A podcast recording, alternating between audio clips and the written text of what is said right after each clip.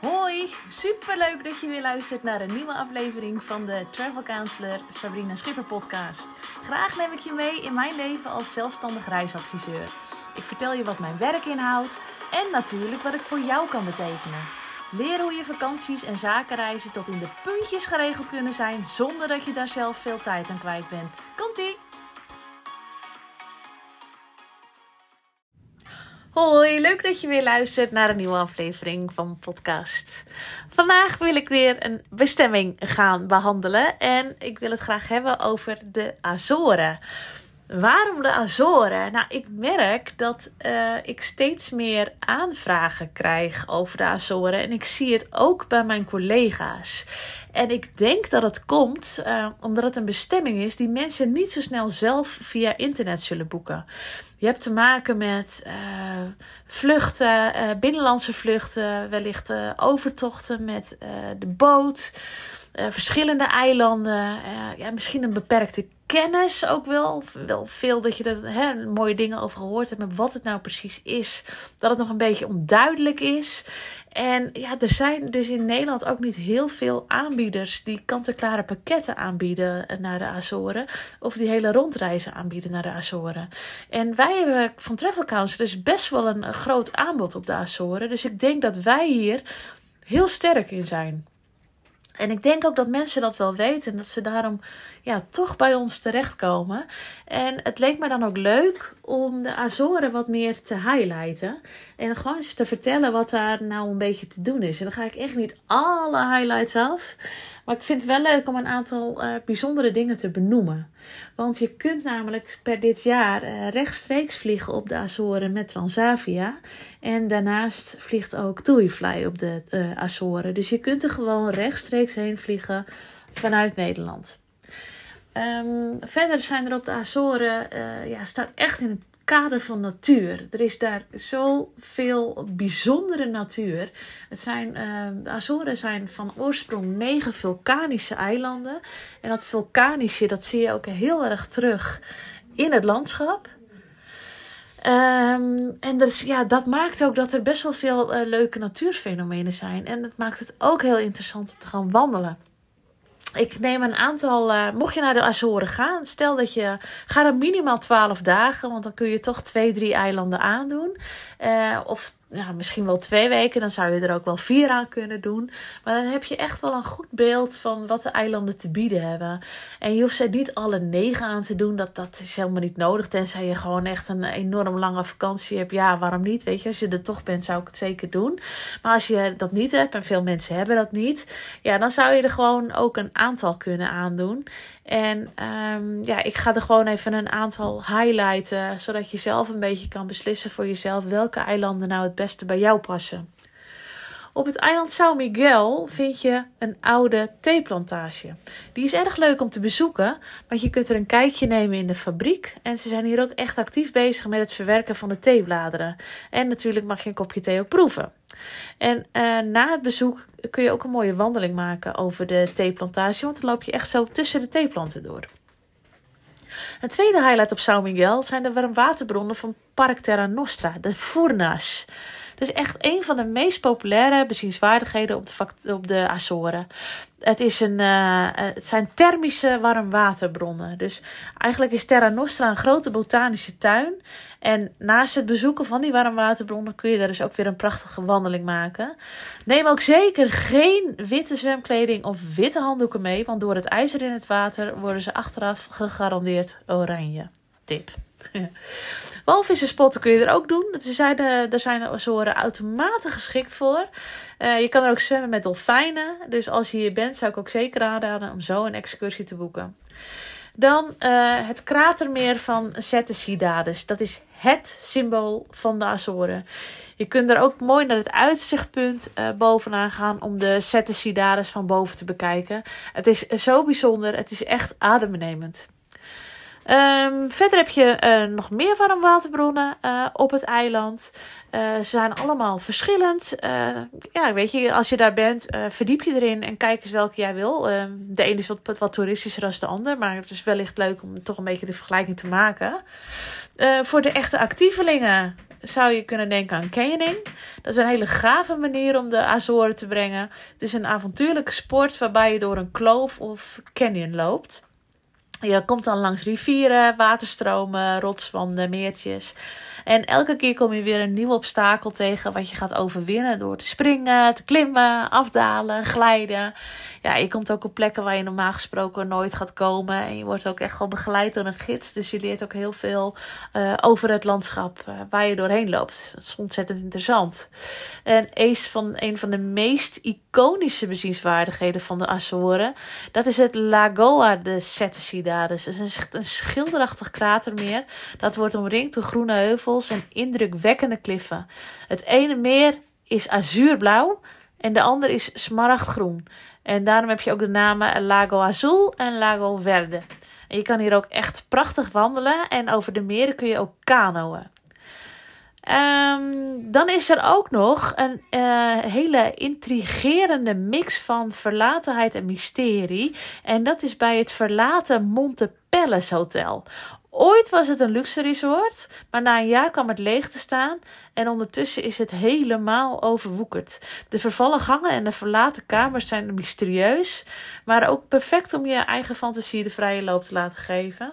Um, dus ja, dit is ja, misschien ook wel leuk, omdat, weet je, dan denk je van, goh, moet nou een oud hotel wat overwoekerd is. Maar ja, goed, misschien ook wel eens een keer leuk om dat gedaan te hebben. Dat zie je namelijk ook niet zo vaak meer terug.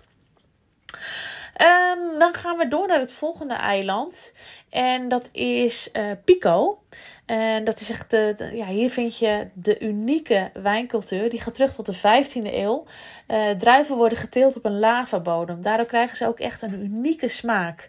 Het is een heel apart gezicht. Groene wijnranken en dan die vulkanische ondergrond. Uh, je kan hier ook een wandeling maken door de wijngaarden van Pico. En die zijn door UNESCO uh, op de werelderfgoedlijst geplaatst.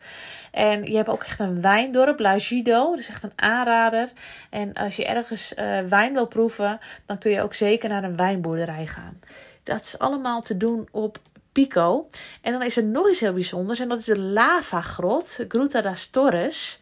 Want uh, ja, de Azoren heeft dus een vulkanische ondersprong. Waardoor veel activiteiten, direct of indirect, zijn verbonden met vulkanen.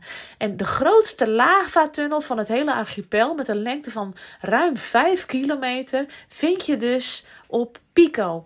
Maar slechts 450 meter daarvan is opengesteld voor bezoekers.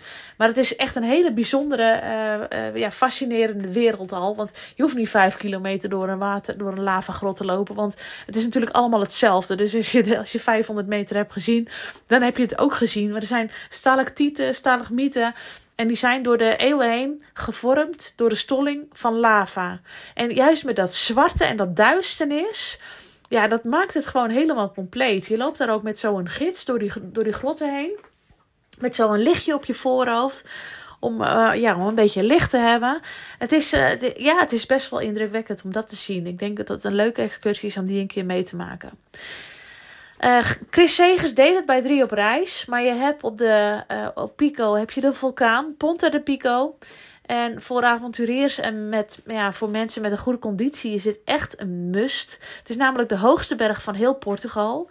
En het heeft een hoogte van uh, bijna uh, 2351 meter. Het is een slapende vulkaan en dat maakt het echt een onvergetelijke klimervaring. Want je wordt beloond met een ja, prachtig uitzicht over de Azoren als je helemaal boven bent en de omliggende oceaan.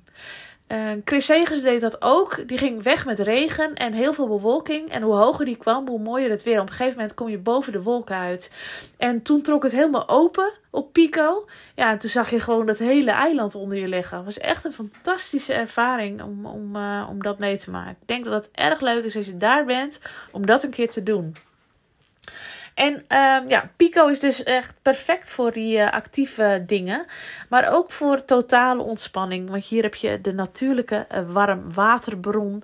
En uh, de zona balneaar. En dat is echt een heerlijk puntje op het eiland. Het is een door de natuur gevormd zwembad.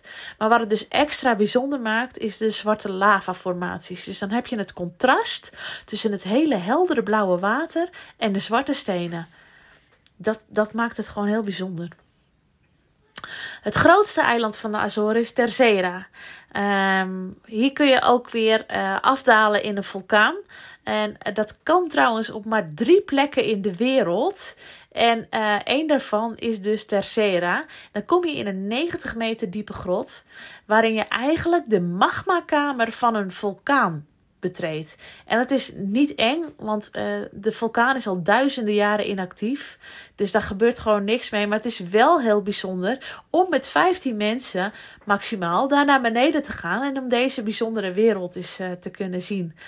Op het diepste punt zit een klein meer. En dat is een van de best bewaarde geheimen en bezienswaardigheden van de hele Azoren. Ook te vinden op Pico. Nou, verder heb je nog een aantal grotere vulkaankraters. Eén daarvan is uh, maar liefst 15 kilometer breed. En dat is gewoon echt een heel wandelgebied geworden. Uh, met verschillende panoramische uitzichtpunten.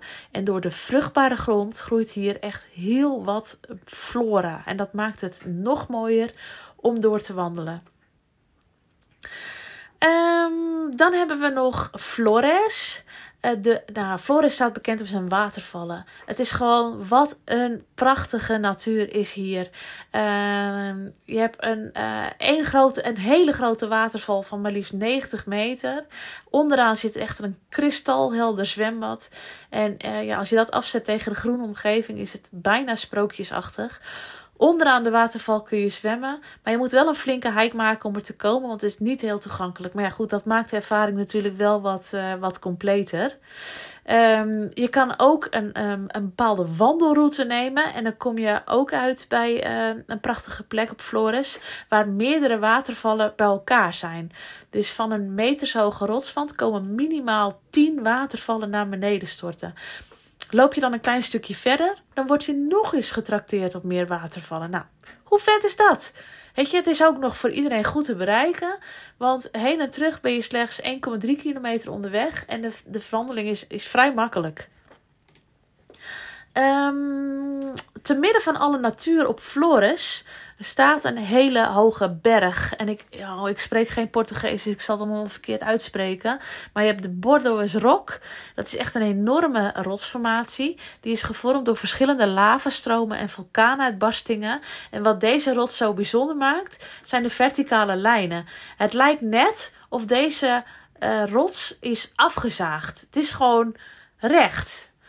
Um, vlakbij die rots zitten ook nog de zeven, de zeven kratermeren van Flores. En door meerdere vulkaanuitbarstingen door, deze, door de eeuwen heen zijn deze kraters ontstaan. En ondertussen zijn ze volgelopen met water. En dat is ook echt een heel bijzonder fenomeen geworden.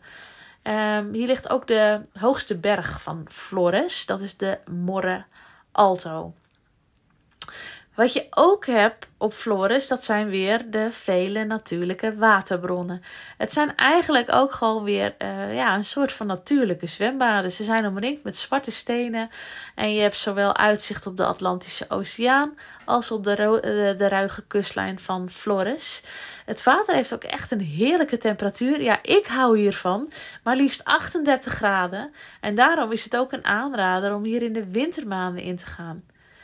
Hou er wel rekening mee dat koud water uh, door de golven het bad inlopen. En dat maakt dan wel weer een soort van uh, bijzonder effect. En dat zul je niet zo snel vinden in een jacuzzi, denk ik dan. Nou, weet je, dit zijn even, weet je, die natuurlijke baden, het dat prachtige natuur, de watervallen, het vulkanische. Dit maakt de Azoren echt qua natuur tot een prachtige eilandengroep. En hier moet je ook echt voorheen gaan voor dit soort dingen. Voor de actieve dingen. Um, en weet je, als je zegt, als je gaat voor een strandvakantie, moet je hier niet zijn. Hier heb je geen stranden. Ja, je vindt ze wel, maar dat zijn dan van die zwarte lavastrandjes. Maar uh, de mooie witte zandstranden, die zul je hier niet vinden. Maar je vindt hier gewoon echt wel heel veel uh, natuurpracht. En uh, ook de eilanden zijn goed uitgerust. Ze zijn wat, wat groter. Um, er zijn verschillende accommodaties op te vinden, uh, van verschillende gradaties. Dus er is ook echt wel voor ieder wat wils. Ehm, de, de, het, openbaar vervoer op de eilanden, dat laat wel wat te wensen over. Dus huur lekker een autootje en ga lekker, ga lekker rondrijden. En ja, laat je verrassen voor wat de Azoren te bieden hebben. Ehm, als je hier naartoe gaat, uh, lees je ook even in op de eilanden, zodat je weet wat je kunt verwachten. En dat je ook uh, op basis daarvan kan besluiten naar welke eilanden je graag toe wilt. Um, en als je denkt, nou, ik heb daar helemaal geen zin in, maar je hebt een aantal dingen genoemd, Sabrine, die mij wel heel erg aanspreken, dan stel ik graag een rondreis voor jou samen op maat met de producten van Travel Counselors. Um, dan gaan we even kijken welke eilanden jou het meest aanspraken, spreken, wat voor uh, activiteiten jij leuk vindt, uh, wat voor accommodaties jij het liefste wilt. En uh, ja, dan kunnen we gewoon kijken um, wat er allemaal mogelijk is. Dus stuur me een DM als je naar de Azoren wilt. Als je gewoon even alleen wat vragen hebt, is dat ook geen enkel probleem. Ik zeg altijd: vragen staat vrij. Je mag me alles vragen, dus doe dat ook vooral. Uh, stuur me even een DM op Facebook of op Instagram en dan, uh, dan help ik je graag. En als je zegt van nou, ik wil gewoon een hele leuke rondreis en ik wil gewoon dat het goed geregeld is en waarvan ik ook gewoon weet uh, ja, dat het goed gaat komen, ja, dan kun je gewoon bij mij of bij een, bij een andere ZRA terecht. Want er zit hier ook echt wel kennis. Um, van, van dit land en van dit gebied. En het is gewoon een hele bijzondere bestemming om een keertje mee te maken. Dus als je erheen gaat, doe het dan gelijk goed.